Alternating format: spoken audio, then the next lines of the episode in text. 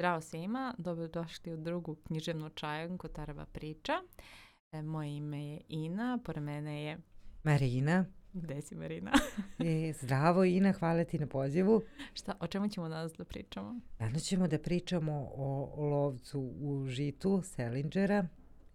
Vrlo, vrlo mi je e, izazovno jer je knjiga muška, tako da ne znam da li sam ja najadekvatniji sagovornik, ali potrudit ću se da budem objektivna. Ma naravno da je. Svi smo to možda čitali, neki u srednjoj školi, neki na fakultetu, neki možda nikad nisu ni pročitali, ali evo da motivišemo. Možda je, možda je pravi trenutak. A ja mislim da jeste. Obzirom da uh, o tineđerskim problemima i mentalnom stanju uh, nekada se nije toliko vodilo računa, ali sve ovih, kako smo napredovali, jel te, kao ljudska bića, danas je to ovaj, posebna tematika i bave se dosta, pogotovo u ovom vremenu društvenih mreža. Ove, pa ajde da vidimo šta je Holland ovaj, preživeo, doživeo za svojih tri dana i kako je njega ludilo, sad ne kažem, oplemenilo ili nije oplemenilo. Šta ti misliš? Pa ja mislim da jeste. Ne, ne mislim da ga je preterano oplemenilo. On je plemenit, iako to se ne vidi na prvi pogled. E, mislim da ga je vratilo samo na pravi put. Ovo je zapravo knjiga roman toka svesti modern iz 950. koji je zapravo jedan pretočen i razvijen mit o zlatnoj ribici. Zapravo je Salinger nama prodao ribicu koju je sam stekao za tri dana ludila. Ne kažem da je ovo njegov Zlatna biograf. ribica, tri dana, tri želje. Je li bilo prilike, tako? Pa, od prilike, tako se može pročitati, da. Od, od kojih je jedna želja i potraga najjača. A, a to je za? A, pa to je potraga za bliskošću i ljubavlju. Ovo delo mora se čitati analogno. Znači ne doslovno onako kako piše, nego po analogijama. Po analogijama. Hoćeš malo da nam približiš taj termin analogije? No, čitanje. Hoću, naravno, to su a, asocijativni zaključci. Verovatno, verovatno vam je poznat termin analogija. Nešto što ima smisla i veze sa nekim određenim pojmovima. Pa tako ovde imamo jednog uh, tineđera koji je sav u buntu, u negaciji, u jednom raskoraku sa svetom. On prezire uh, lažan svet, lažan sjaj, formalnosti, biva izbačen sa koleđa, kao što sam rekla, što je za ono vreme, 950. zaista avangardno pisati o tome, a zapravo dosta je pritom introvertan, dosta priča u stvari je ekstrovert, ekstrovert, zatvoren je jedan lik koji je preživeo jedan emotivan stres. Jeste gubitkom svog brata.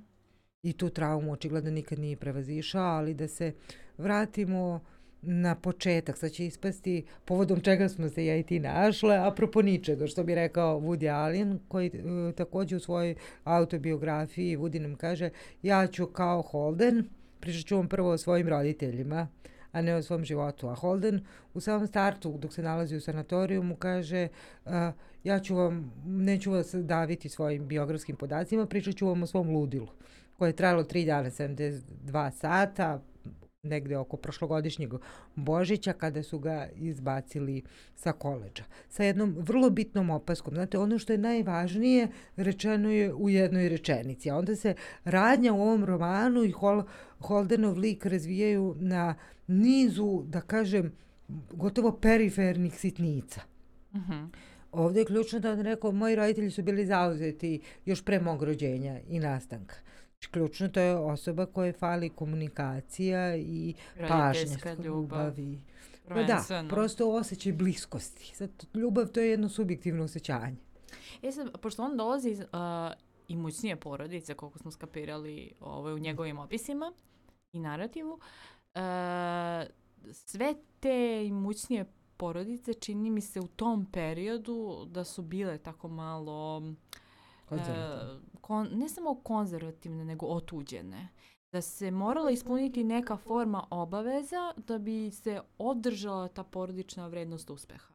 Ne znam da me razumeš. Apsolutno te razumem i to jeste tačno i mislim da se nažalost ni danas to nije promenilo.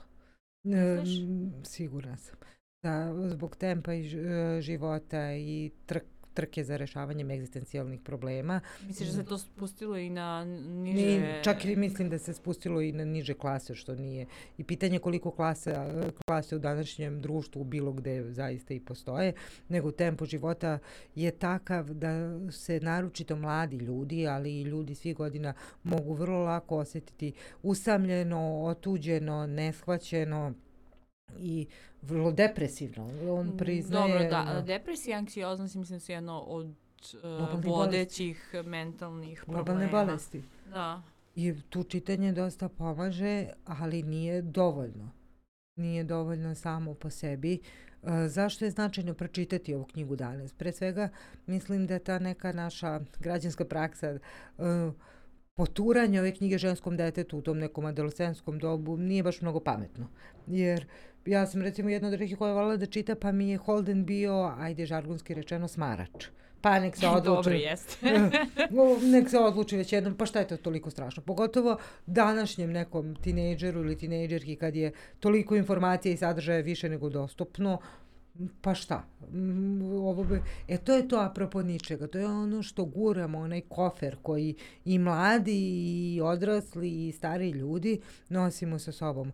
E, na te segmente ovog Selingerovog romana niko nije, o, to jest čini mi se da se malo pažnje obratilo. Bilo je govora da je zabranjen zbog eksplicitnih e, scena seksa. Meni to nije bilo jasno, jer ne postoji ni jedna eksplicitna baš scena, osim kada on u tom nekom hostelu u kome odseda kada beži i sa koleđa i iz kuće, gleda neki čin između neke dvoje ljudi, što ne smatram ni nekom sad specijalnom problematikom što se nalazi u knjizi i povrh svega toga to je jedan mlad tinejdžer koji ne može da ostvari seksualnu bliskost sa osobom suprotnog pola. Postoji devojčica Jane koja mu se dopada, ali to je da. vid platonske ljubavi i ono što njemu, taj njegov emotivni kapacitet je vrlo uh, malo obrađivan koliko su tumačili ovu knjigu. On voli Jane i ono što njemu preliva čašu je da se pobije sa cimerom onog momenta kada shvata da njegov cimer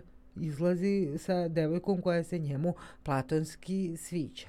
I tada i napušta koleđ i odlučuje da se uh, makar privremeno okrene nekom drugom životu. Hoćemo da malo uzmemo Holanda kao lika. Ne samo o tome šta on radi, šta misli. Uh, kako počinjemo da dobijemo sliku o njemu, kakva je on osoba, uh, uglavnom poganog jezika, direktnog poganog jezika, indirektno prefinjenog poganog jezika, Sarkastičan, sarkastičan. Sarkastičan, dobro, ajde nećemo, ajde malo da ga opišemo, onako. On za sebe kaže da je kukavica. Priznaj da je primiren. Jako, jako. Više puta je pomenuo da je kukavica. Ima trenutke slabosti kada plače, ima dosta potisnutog besa. E, fizički ne mogu da kažem da je neki dominantni alfa mužjak, iako je kao visok, ali je u isto vreme mršav, ne bavi se nekim posebnim sportom, znači ne bavi se svojim fizičkim izgledom, ali zato ima cimera koji je ekstremno, uh, kako kažem, fizički poželjan, Da, šarmantan. Možda ne bi baš ekstremno, ali je fizički poželjan i... Pa tip nekog zavodnika. Je, jeste, i kako Šarme. bi ovaj, opisao, um, kad bi ga majke videla na slikama, on, one bi odmah mm. pitale koji je ovaj Da, on je prosto dečak. poželjan jedan. Jeste. jedan poželjan mladić. I ima uspeha sa ženama. E sad kakvog to isto objašnjava u jednom uh, trenutku, ali do, dotaći ćemo se toga malo kasnije kad budemo pričali o toj tineđerkoj seksualnosti. E, jedna stvar koja u njegovom narativu ili e, način na koji je Salinger pričao umesto ovog junaka jeste da ja uopšte ne e, osjećam da je on nekih tineđerskih godina. Znači, već mi onako da ima nekih dvadesetak godina, tako mi više izgleda taj narativ i to ponašanje malo mi je, ne znam, ja sam prošla tinejdžerski period, nisam bilo muško, da, da, sam možda bila je, žena. Da. Ove, ne mogu da u, imam uvide u taj moment kako se o- je unutrašnji svet Svet. muškog tinejdžera i na koji način on razmišlja, ali govor mi se čini da je malo prefinjeniji i sagledavanje svih sitnica. Znači, jako je analitičan, e, mnogo obazriv o stvari koje se dešavaju oko njega. To dolazimo u prvom trenutku o tom kako on opisuje taj svoj pen, pensi. Da.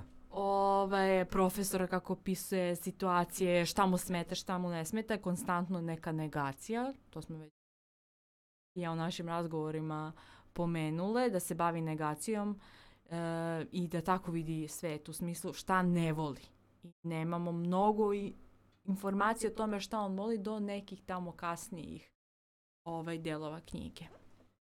Pa da, ja moram da kažem, verujem da će ovo slušati i roditelji tinejdžera, da e, negacija kao način funkcionisanja i mišljenja je vrlo prisutna kod mladih tog doba.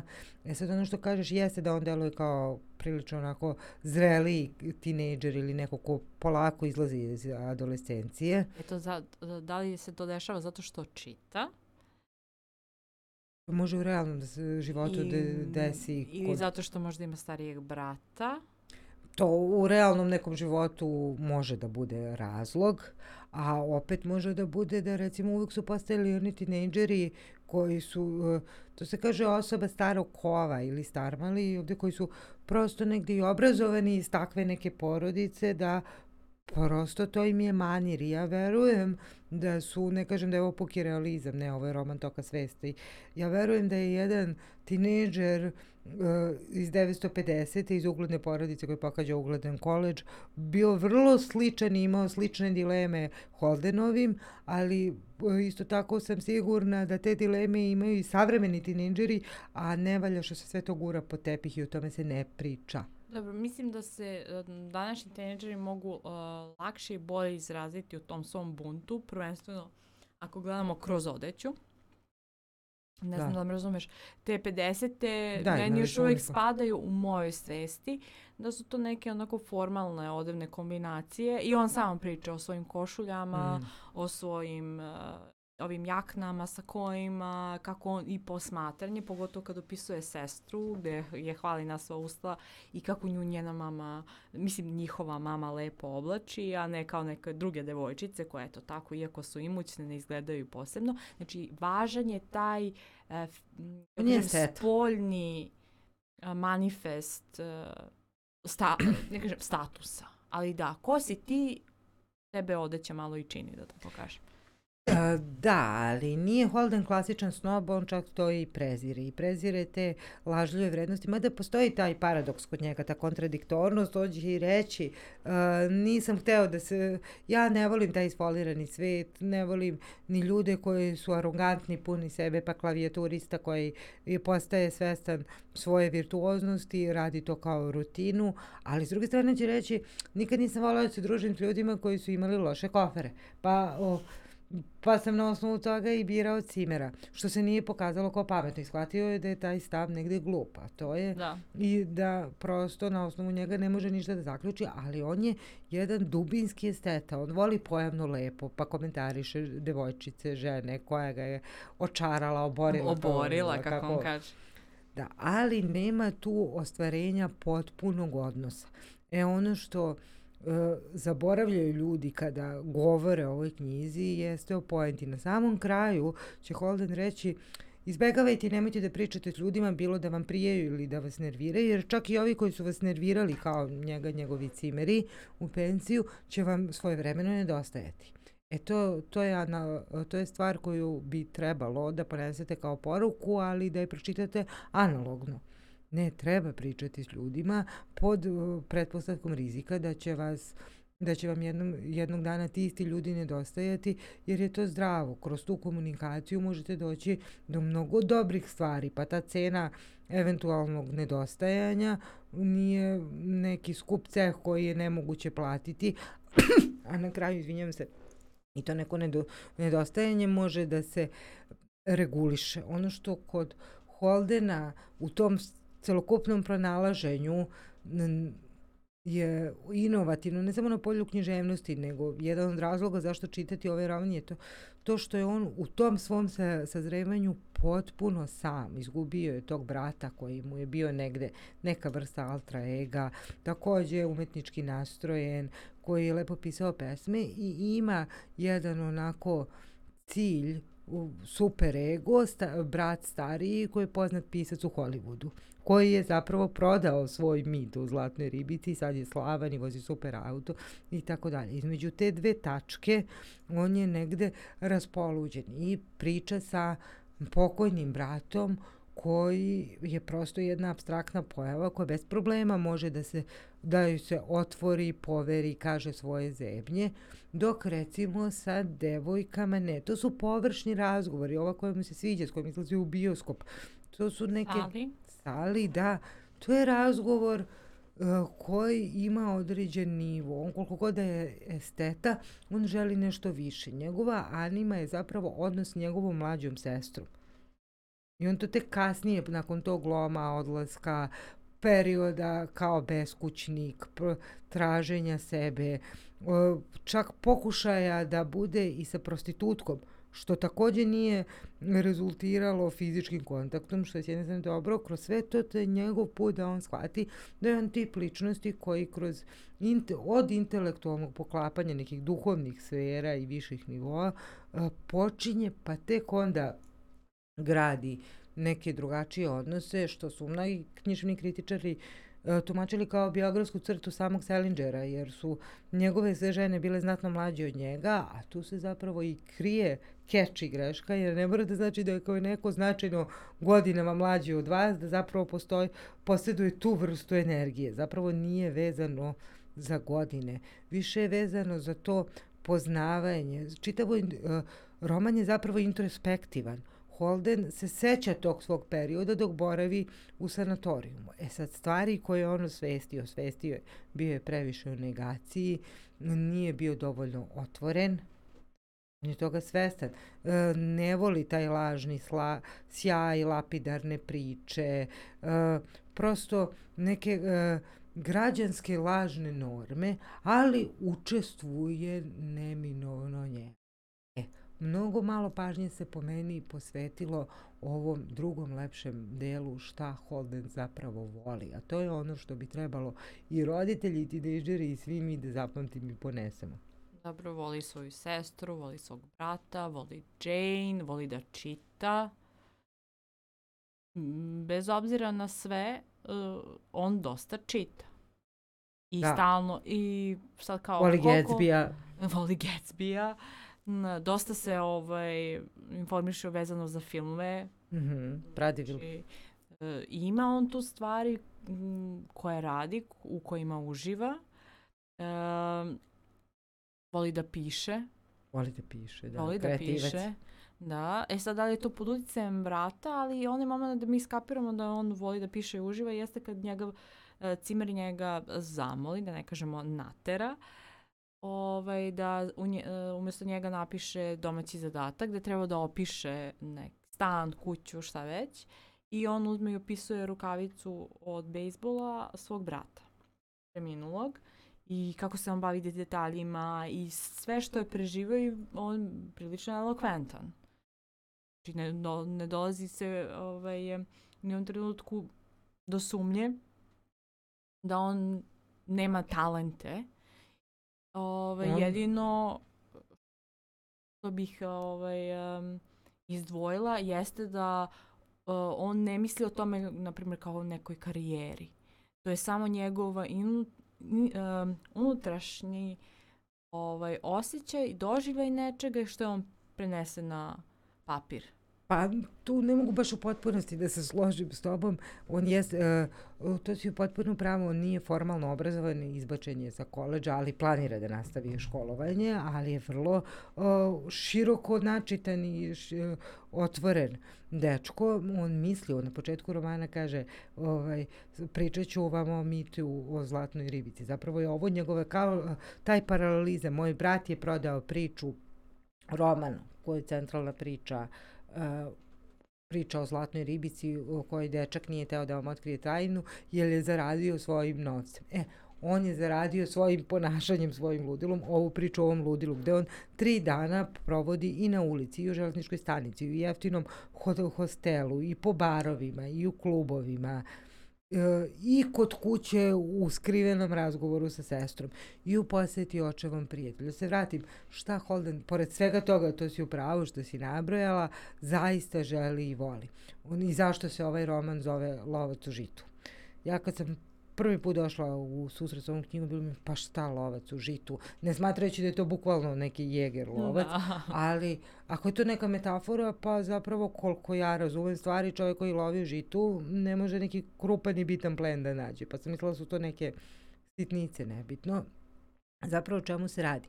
Njegove misije, referenca je pesma Barasa, ako sretneš nekog da kroz žito ide i tako dalje. Misija Holdena je uh, da uh, na susreće decu i ljude e, koji idu kroz žito, a koji se nađu na litici. Nekog ko, to je simbolika, metafora za osobu koja se našlo na nekoj životnoj prekretnici, koji može da ima, da se razumemo, bilo koliko godina, ali najviše su to tinejdžeri, i da on takvim osobama u žitu, to jest u životu, pomaže. E to je, ovaj, to je veoma bitno, da čovek negde pronađe sebe. On se tu pronašao, ali prosto nije susreo tako neku osobu, a zapravo jeste. On je svojim razgovorima, makoliko bio antiprotivan u nekoj negaciji, mnogoma pomogao. Vi sad imate jednu sjajnu stvar, on je formalno ateista, a zapravo propagira vrhunsku vrhunsko milosrđe i neku ljubav među bližnjima i okruženjem, kad on svom drugu kaže ne, ja zaista ne smatram da bi Hrist e, poslao u pakao apostole i judu. Vi tu zaista vidite jedan emotivni potencijal i dobrog čoveka, ali takođe i osobu koja njima zbog određenih trauma ili odnosa u porodici ili uopšte ne, nije bitno tragati toliko za uzrocima, lepo ih je znati, problem sa emocionalnom bliskošću. Jer oni i pored toliko devojaka, izlazika i svega ne ostvaruje. A zašto? Zato što postavlja barijeru. I zato što ne priča o stvarima koje voli, nego je stalno nešto antiprotivan. E, tu antiprotivnost najviše vidim kad sa sali ide na predstavu i kada njih dvoje susreću nekog njenog poznanika i kad on analizira razgovor između Sali i tog poznanika, što kaže nisam ni zapamtio ime. I to je neki razgovor koji većina ljudi vodi. Tom trenutku on kapira da većina ljudi, mislim da je to ovaj, ta barijera o kojoj ti pričaš, da većina ljudi ne vodi dubokoumne, intimne, intelektualne razgovore, nego se, kako to zovu sad, e, small da, talk. Da, da, da. To znači, su ti uglavno, lapidarni razgovori da. koji su zapravo paradoksalno lažni. To je ono kad te neko pita kako si u prolezu, zapravo te ne pita kako si, nego prosto ili govori o nekoj temi o kojoj je popularno govoriti. To već nije stvar komunikacije i odnosa. To, da li ti smatraš da stvarno postoje ti neki društveno prihvatljivi i društveno neprihvatljivi razgovori? E, postoje i treba da postoje. Postoji nešto što se zove kultura komunikacije. Sasvim ne bi bilo uputno da započnem ja neki ili bilo koja druga osoba, neki duboko umni ili ne daj Bože intimni razgovor sa osobom s kojim nisam u takvoj re, relaciji. Ali ako se čitava ako se e, čitava e, priča razvija oko tako nečeg banalnog, a između Sali i tog dečka zapravo čitav odnos je jedan već unapred izrežirani po formulama, izvedeni razgovori i odnosi predvidiv, onda to, onda to postaje besmisleno.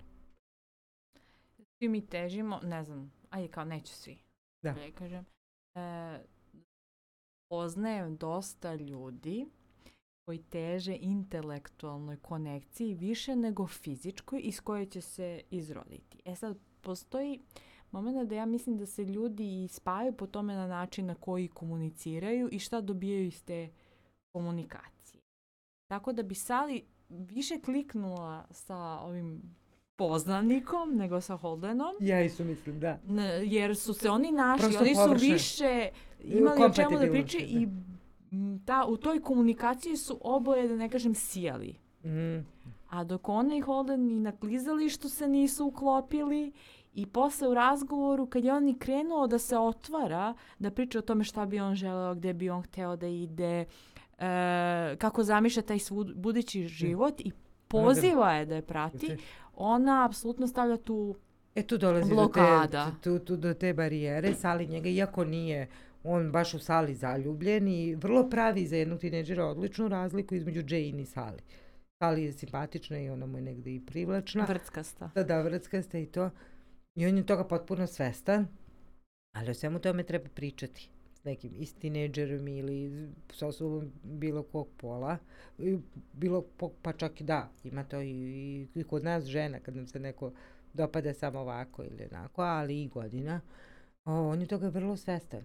A, Sali i ovaj mogu da ostanu na toj nivou, nivou površnosti. Blago tebi, ja ne poznajem puno ljudi koji ovaj, na osnovu tih nekih dubljih odnosa grade odnose. Ja jako malo zapravo takvih ljudi poznajem. E, više ljudi koje poznajem su drugačiji ili su stvar nekih kompromisa ili, ili iskustva, ali nije to sad ni važno. E, stvar je u tome što on prepoznaje da Sali nije njegova e, srodna duša i ljuti se i odlazi od nje, iako posle u napadu usamljenosti zove čak i nju i kaže da će okititi tu božićnu jelku i šta ja znam, dok on ponovo ne pronađe ono što traži. Ovde je jedan ovaj, od ključnih momenta u romanu upravo poseta tom porodičnom prijatelju koji mu kaže da je otac jako zabrinut i šta će on sada kada je ponovo izbačen sa koleđa za koje e, u odnosu sa kojim vidi se još jedna potisnuta trauma Holdenovog lika, Mhm. kada on njemu u snu stavlja ruku na glavu, a ovaj to shvata kao izraz neke potencijalne homoseksualnosti i lične ugroženosti, zbog čega naprasno napušta kuću tog prijatelja, za šta može, ne dobijamo mi kao čitaoci neku povratnu informaciju da li su te njegove sumlje osnovane ili nisu, može, mogu biti i tačne. Ali naglašeno je samo jednom rečenicom da kaže da je on nekoliko puta već doživeo tako neku, Neku situaciju. situaciju. da je imao i takvo, takve vrste neprijatnih iskustava. A o, opet ima mnogo i tinejdžera i starijih i mlađih njih koji su jako pričljivi, deluju jako ekstrovertno, a zapravo to dubinski kriju u sebi. Svoje te neke uh, strahove, zemlje, nedoumice i to je ono što je problematično. I on tek uh, kad odlazi kući i u odnosu, ali mu je taj isti prijatelj rekao jednu jako bitnu stvar i zbog čega je ovaj roman uh, svevremen, uh, kad ga, kad ga je sagledao tu njegovu situaciju i da nije pao iz engleskog jedino i tako dalje i tu njegovu nezainteresovanost za bilo što što je kulturološka norma, što je stvar formalnosti, što je deo nekog lažljivog pojavnog sveta. I rekao, uh, znaš šta je tvoja perspektiva, tvoj tvoja perspektiva i misija je jeste da pronađeš dimenzije svog uma, što je jedan pretočen racionalistički Dekartov stav. Uh, čovek je mera stvari. Svako treba po, po sebi. Znači, Holdenova mera stvari je neki intelektualni dubinski odnos iz koga će se razvijati nešto drugo. To ne treba da bude univerzalni model. Jeste, tu dolazi, uh, preteča tog odlaska kod prijatelja je i njegov sastanak u pubu sa njegovim m, drugom iz prethodno, prethodne škole. škole. Pošto ja ne znam te gradacije, primary, secondary, da. Čini mi se da high ovde school nije ni i tako da. to. Ovaj, kako se to u Americi e, radira, nebitno.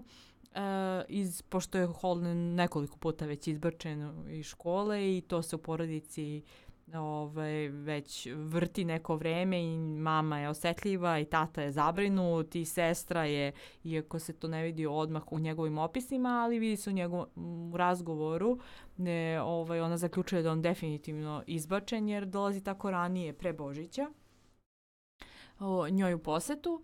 E, ode mi misao. e, Dolazi kod pričaju, ne, ne, ne zbog sestre, nego sa tim prijateljem sa prethodnog koleđa e, pričaju o seksualnom životu. Holden postavlja svom prijatelju uh, eksplicitna pitanja i to su ne eksplicitna, direktna pitanja. njega E, jeste. kakav ti je seksualni život ili tako nešto. I odgovara kao, mm, dakle, bukvalno mane rukom i kao nećemo o tome. I on insistira, insistira da bi na kraju došli do zaključka, um, u suštini do informacije je došao da on se, da njegov prijatelj zabavio sa uh, kineskinjom i on pita, pa dobro, uh, da li ti se sviđa? On kaže, da, očigledno. I on kao, pa zašto ti se sviđa? I ovo, pošto je to sad m, egzotičnije, drugačije, mislio je čudo. da li je zbog izgleda, međutim, njemu a, prijatelj odgovara da je zbog toga što kod njih seks nije sveden samo na fizičko, kao što to je u tinejdžerskom svetu, nego ima i taj duhovni element. I on kaže, da, da, to je ono što je meni potrebno. Tako da uh, Holden ima i pre odlaska i pre tog saznanja da treba poradi na svom duhu svest da je to ono što mu je potrebno. Da, pa to je to ludilo. Zato je ovo zlatna ribica. To je ispunjenje jedne, možda najvažnije njegove, ako ima tri želje. Duhovno. Ne, da. ne, ne, on pronađe sebe, pronađe svoje mere, svoje dimenzije duha. To je njegova dimenzija. On kroz to ludilo bož, predbožično i nakon izbačenja sa koleđa o, pronalazi sebe i svoje mere. On je u razgovoru s prijateljem shvatio da njemu nije dovoljan samo neki fizički kontakt i fizičko sviđanje, nego neki e, intelektualni odnos u sve to ili pre svega toga. I onda dolazi mlađa sestra koja je vrlo visprena i ona kaže, dobro, da li ti nešto zaista voliš? I on kad se razmisli, pošto je nabroje gomilu stvari koje ne voli, i drugare, i školu, i okruženje, i poznate ličnosti, i ne voli što ljude vole poznate ličnosti, jer to smatra delovima lažljivog sveta. E, Onda je rekao Febi, pa ja zaista volim da sedim ovo s tobom, kako, kako ja i ti provodimo vreme. I on nju negdje i štiti i pametno savetuje.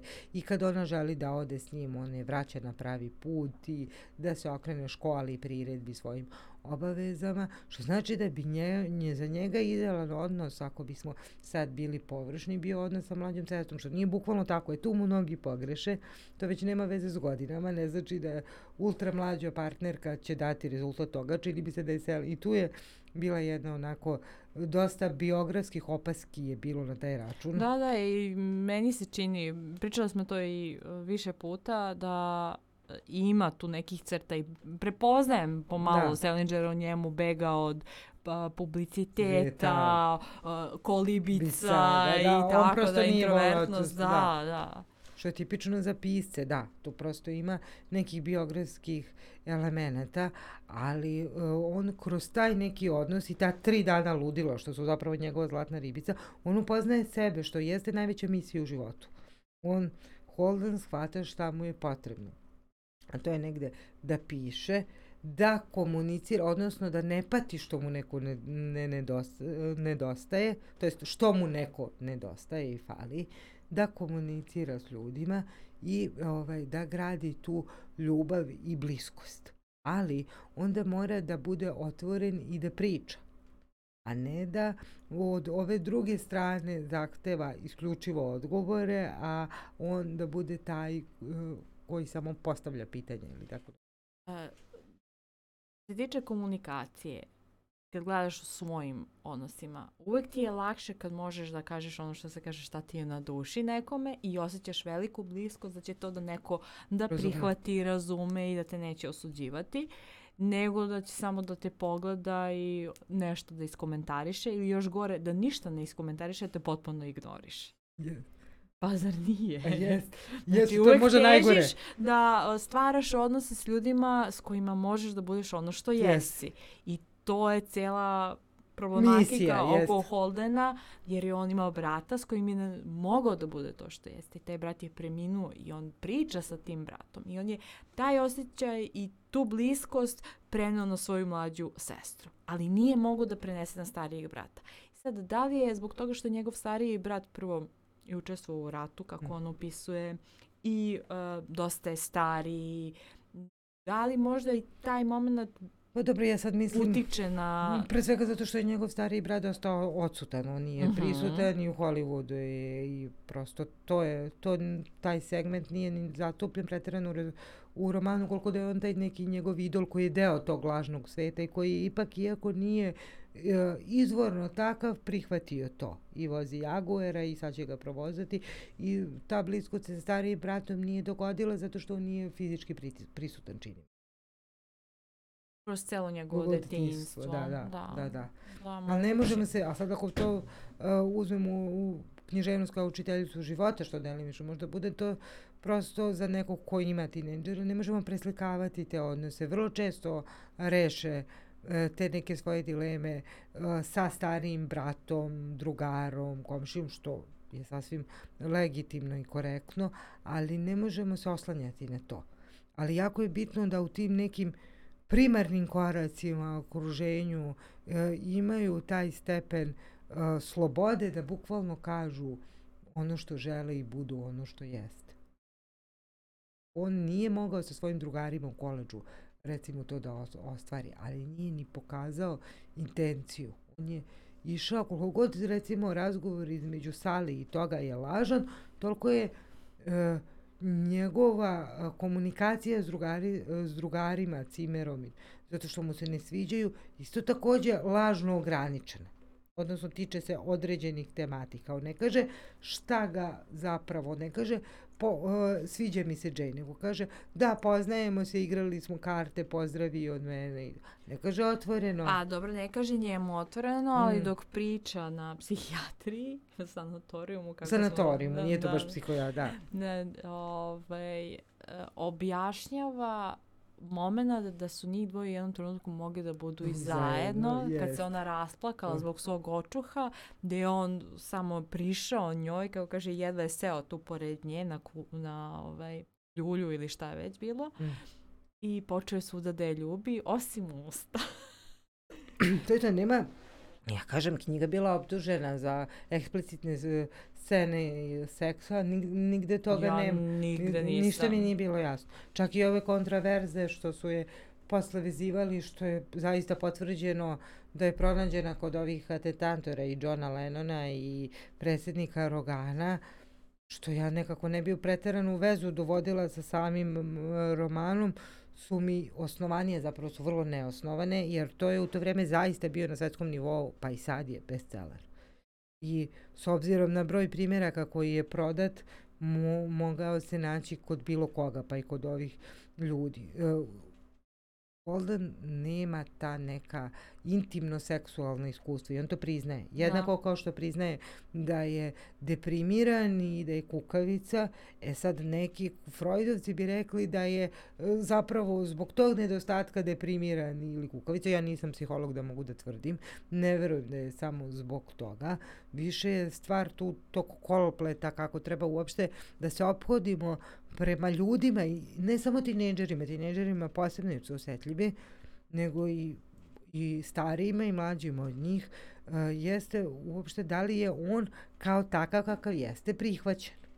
Ne samo prihvaćen, nego da je pod pritiskom malo što se tiče seksualnosti i ostvarenje tih seksualnih um, intimnih momenata, e, da li je pod pritiskom jer oko njega se dosta priča o tome, pogotovo njegov cimer koji je kao uvek uspešan sa ženama i ima taj pritisak gdje on treba da bude u tom polju ostvaren, a u suštini ne osjećam baš stopostotnu um, da kažem, motivaciju Ciju, da da. to, to ostvari. E to je ono gde recimo... Iako je bio u momentima gdje je imao priliku. prilike, ali ga uvek kao nešto sputalo. E, to je ono gde, mora, gde se mora tinejdžer ili čovek koji je generalno na prekretnici mm, osnažiti od, da kažem, spoljnih, spoljnih faktora i od šireg okruženja.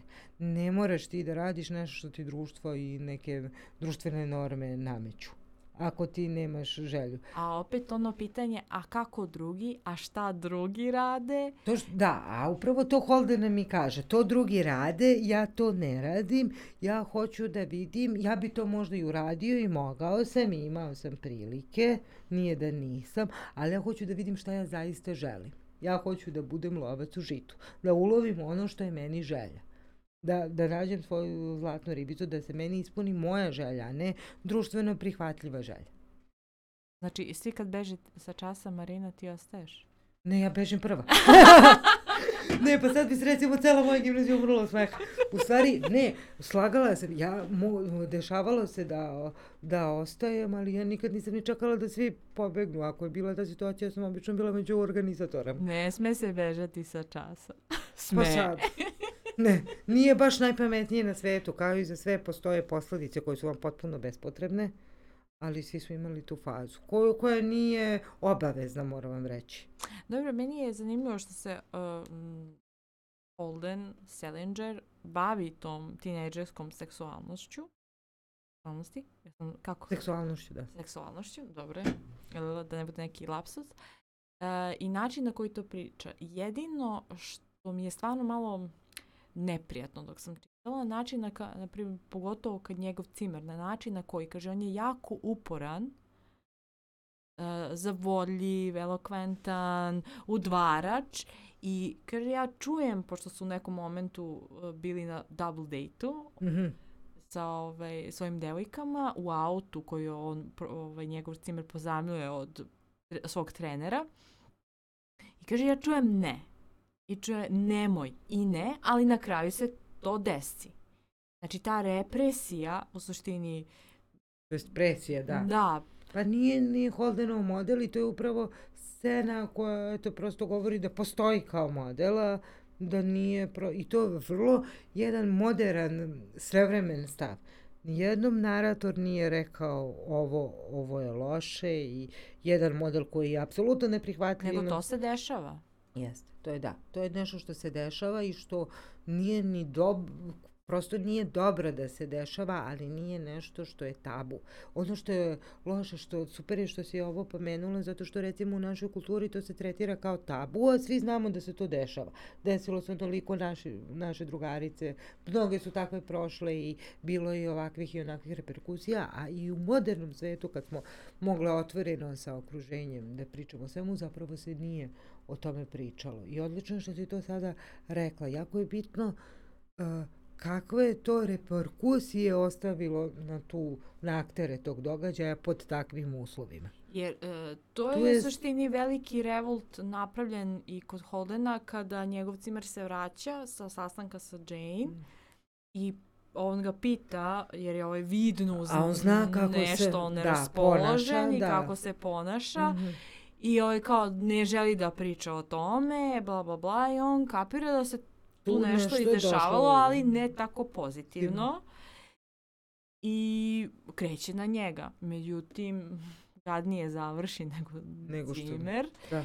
I to je isto, ja mislim, jedan od razloga zašto je on na, da, to napustio. Je kapa je jer mislim da on definitivno ne bi mogao da ostane u tom shvatio, okruženju. Pa to, je to, to su te analogije. On je kroz to shvatio da on zapravo mora sebe da pronaće. On nije taj ni šarmer, ni zajodnik, ali premda šarama ima, on u vozu se e, sreće majku jednog od svojih kolega, kolega sa koleđa, da. drugara iz škole, kako god u našem sistemu bi to bilo. I vrlo ume da bude šarmantan i da šarmantno i da bude s, jedan sjajan element tog lažljivog sveta. Da, zato što impulsivno laž. Da, da, da. Ali da. to mi je nevjerovatno kod njega. Znači, osjećam da kad izgovara, da, da to samo klizi kroz kroz njega, da on uopšte ne, ne smišlja unapred da slaže, nego samo i ono... To je njemu mehanizam kaš. odbrane, zato što je morao tako da se štiti, što je s jedne strane dobro i to treba da prepoznate recimo u svom bliskom okruženju, bez obzira da li je neko tinejdžer ili ima ili drugačije starasne dobe, dobi, to je prosto nečiji mehanizam odbrane, zbog nečega je život to naterao, to nije dobro. To, to, to nije dobro ni za tu osobu, ni za okruženje i nije zdravo s tom osobom uh, treba jako puno razgovarati. Suština je u ovome. Uh, ovo ludilo koje kod Holdera traje, uslovno rečeno ludilo, ne dijagnoze, nego prosto jedan bunt koji on kroz izlaske, traženje, uh, lutanje, razgovore uh, i živeo za ta tri dana, dovelo ga je do sebe. On čovek jednostavno želi da bude Ali kad pričamo o buntu, e, negde sam pročitala da ga upoređuju sa James Deanom. Ja iskreno ne znam. Ja ne vidim paralelu. Ni ja ne vidim paralelu u tome. Ne vidim baš I ništa taj da. to njegov sam- bunt mi je više unutrašnji nego spoljašnji. E, spoljašnji jedino je kroz... Manifestno tako što, pa dobro jeste, znaš, pričamo o romanu. je a, a, agresivan pristup nekim situacijama. Da, ali pričamo o 950. Pred, samo pet godina pre toga se drugi svetski rat završio. To jeste bilo da jedan mlad momak. Kapiram. A znaš da je možda mogu da vidim taj neki bunt? Kada makro dolazi da naplati dodatnih 5 dolara, Jest. ovaj, gde on, iako zna da može da nadrlja, Mhm. gde kaže ne. Ne, Ne. drži se zbog... Rekli Ne, ste toliko i ja ne dajem više od toliko. Nije da nemam novca i da, Ne, da ste da, rekli tako- toliko, ja ja bi bi platio da, toliko. da. Kao nije problem, nego niste rekli. Ma bunt je čitav potez odluke, e, ja idem pre vremena i- iz koleđa škole i odlazim na ulicu i u hostele. A pritom nisam punoletan. Zakonski ja ne sam ni da pijem alkohol, čak i to je izraz bunta, on naručuje alkoholna pića tamo gde mu Dobro, da... koji tinejdžer ne voli da pije? Minimalno. Iako mu je zabranjeno. Ja nisam pila, bavila sam Nisam se- ni ja. Bi je bavila sam se Ali sportom. ne, zato što generalno Ne, ali to je minimalan pri- izraz bunta, slažem se, nije onaj neki buntovnik bez razloga koji će da ima be... Pa jeste, on je dubu, zaista pravi onaj izvorni bud- buntovnik, on želi da... Sa ži- razlogom. Sa razlogom, da. On nije bez, on je vrlo racionalan, on želi da živi neki svoj čist život e, u prirodi, onako, e, skroz naturalno. Ima tu neku, neku viziju za koju shvata ubrzo da je jedna vrsta utopije i da mora negde da se vrati u normalne tokove pa svoje vremeno. Pa meni to, kad gledamo tu njegovu viziju, gde on je van grada, u Mm. prirodi, sa životinjama, u kućici, sakriven od sveta, čak zamišlja da postane gluonem Da, i da komunicira samo preko e, Znakova. pisane reči i da nađe ženu koja će isto tako i da su, svoju decu sakriju i da im oni kupe knjige i oni da ih obrazuju. E, to je više povlačenje. Znači, vraćanje nečemu što je e, intimnije, e, povezivanje više sa prirodom. Znači, njemu život u gradu i sva ta buka oko njega uništava unutrašnji mir. Mm, da, ali više je ovde beg od realnosti. Više je ovo od bega Svi volimo kućicu na da. planini sa vukovima, je li to to? Ne volim, evo ja ne volim. Odmah da ti kažem. ne, ono kad Ne, ti ne. sve stres i sve... A kad mi je stres, pa znaš kako ja vidim neki bazen i spa centar, nikad ne vidim to kućica u planini i... Nikada. Ti si, znači, Nikada. totalno infiltrirana Da, u da. grad. Pa nisam, pa nekad mi smeta i volim tako mirnije, ali nikad to nije totalno, totalno to isključenje i to, to mi čak smeta. To, to me čak stresira. To tamo oni šakali, recimo, godini. I to, mene to izuzetno, izuzetno stresira. Ne mogu duže od par sati. Ne znam, ja čim, što kažem, krenem van Beograda, ja kao da sam skinula ne, ne, neki ogroman teret. Jeste, čovjek se lakše osjeća, čini mi se da je, da je tu smog vrlo značajan faktor. I vreme drugačije teče. Jeste. Meni to, taj Jako. protok vremena, imam, je moj drugar je lepo rekao, jao Maki, tamo je, tamo je toliko očajno da, da, da prosto, prosto ne možeš ni da pušiš. E, Čini se kad sam u gradu, um, manje stvari završim za vreme, kao dana, dok kad sam negde na polju, mislim, van, Misliš da, imaš imam više, mogu više stvari da uradim. Ne znam kako. Pa možeš, verovatno, da, ali e, zato što su te, stvari bliže i dostupnije, ali da li, da li je poenta u tome? Mislim da e, je to u suštini okruženje koje bi pomoglo i Holandu. Zašto on ide ka tome izlasku van grada, jer New York je ipak ne, da Dobro, ne, New ne York je mnogo, bu, da, da, mno- mnogo bučniji od Beograda, jeste pitanje je i šta bih svašta se mislila, da. dešava i veliki grad i mnogo mislila.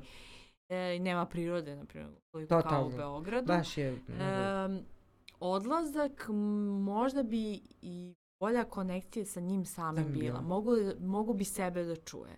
Ovako je Da, od tih šumova, slažem se, to jeste, ali ovde je više u kontekstu kao još jedan od izraza njegovog bunta, totalna krajnost od onoga što jeste. Jer to zapravo nije čak ni stvar njegove želje. To je njemu bila jedna od opcija u romanu kao izraz bunta, znači totalna promena života, odlazak na zapad, zaposlenje, čak i glumljenje hendikepa, gluvonemosti. To je sve izraz nekog bunta i bega od realnosti, ali ne stvar njegove želje. E sad, šta bi bilo kad bi bilo, da je ovo neki drugi lik koji je odrastao u nekom ruralnom okruženju, koji ima te dozu mistike, mira. Mada mislim da mir i nemir su u nama samima, nevezano da li živimo u nekoj urbanističkoj ili mirnijoj uh, celini. Vrlo je važno ovo što, Hold, što Salinger kroz Holdena kaže, pronaći sebe priznati sebe šta zaista voliš. Pa ma koliko čudno zvučalo, eto, na primjer, Holden voli da bude lovac u žitu ali vi priznajte sebi šta vi zaista želite da budete. Tu da bi priznali sebi šta želimo da budemo. Moramo malo da imamo i ohrabrenje od svoje bliže okoline. On za početak nema tu podršku od roditelja. Oni su za njega, kažem, smislili neku viziju. U suštini mislim da u svim tim porodicama, ne znači da je tačno, to je samo moje mišljenje, da u svim tim porodicama imaš neki plan i program kako život treba da ti teče. U većini slučajeva tako, ali u tako bogatim porodicama moraš da završiš dobar, prestižan uh, koleđ, moraš da budeš, da kažem, od, da, advokat, doktor ili šta već, da bi se oslikao pa taj tako, uspeh, da. a nije to za svakoga prosto. To je tako u svim porodicama. Uz, uzmi neke porodice koje ni, nisu intelektualne porodice, pa se recimo nasleđuje s oca na sine i to je bilo dobro. Ranije su bili kovači ili razne druge zanimanja, zanati, da. da. E, e, I svaka porodica od nekog tineđera ima određen svoj plan i očekivanja. I desi se da se tu stvari poremete, da neko nije za određenu oblast da je nastavi i da to ljudi o, s jedne strane prepoznaju, pa usmere tineđera na neku drugu stranu, a i da to opet nije ona, njegova, njegov lov u nekom njegovom žitu, iako su mu dali mogućnost izbora.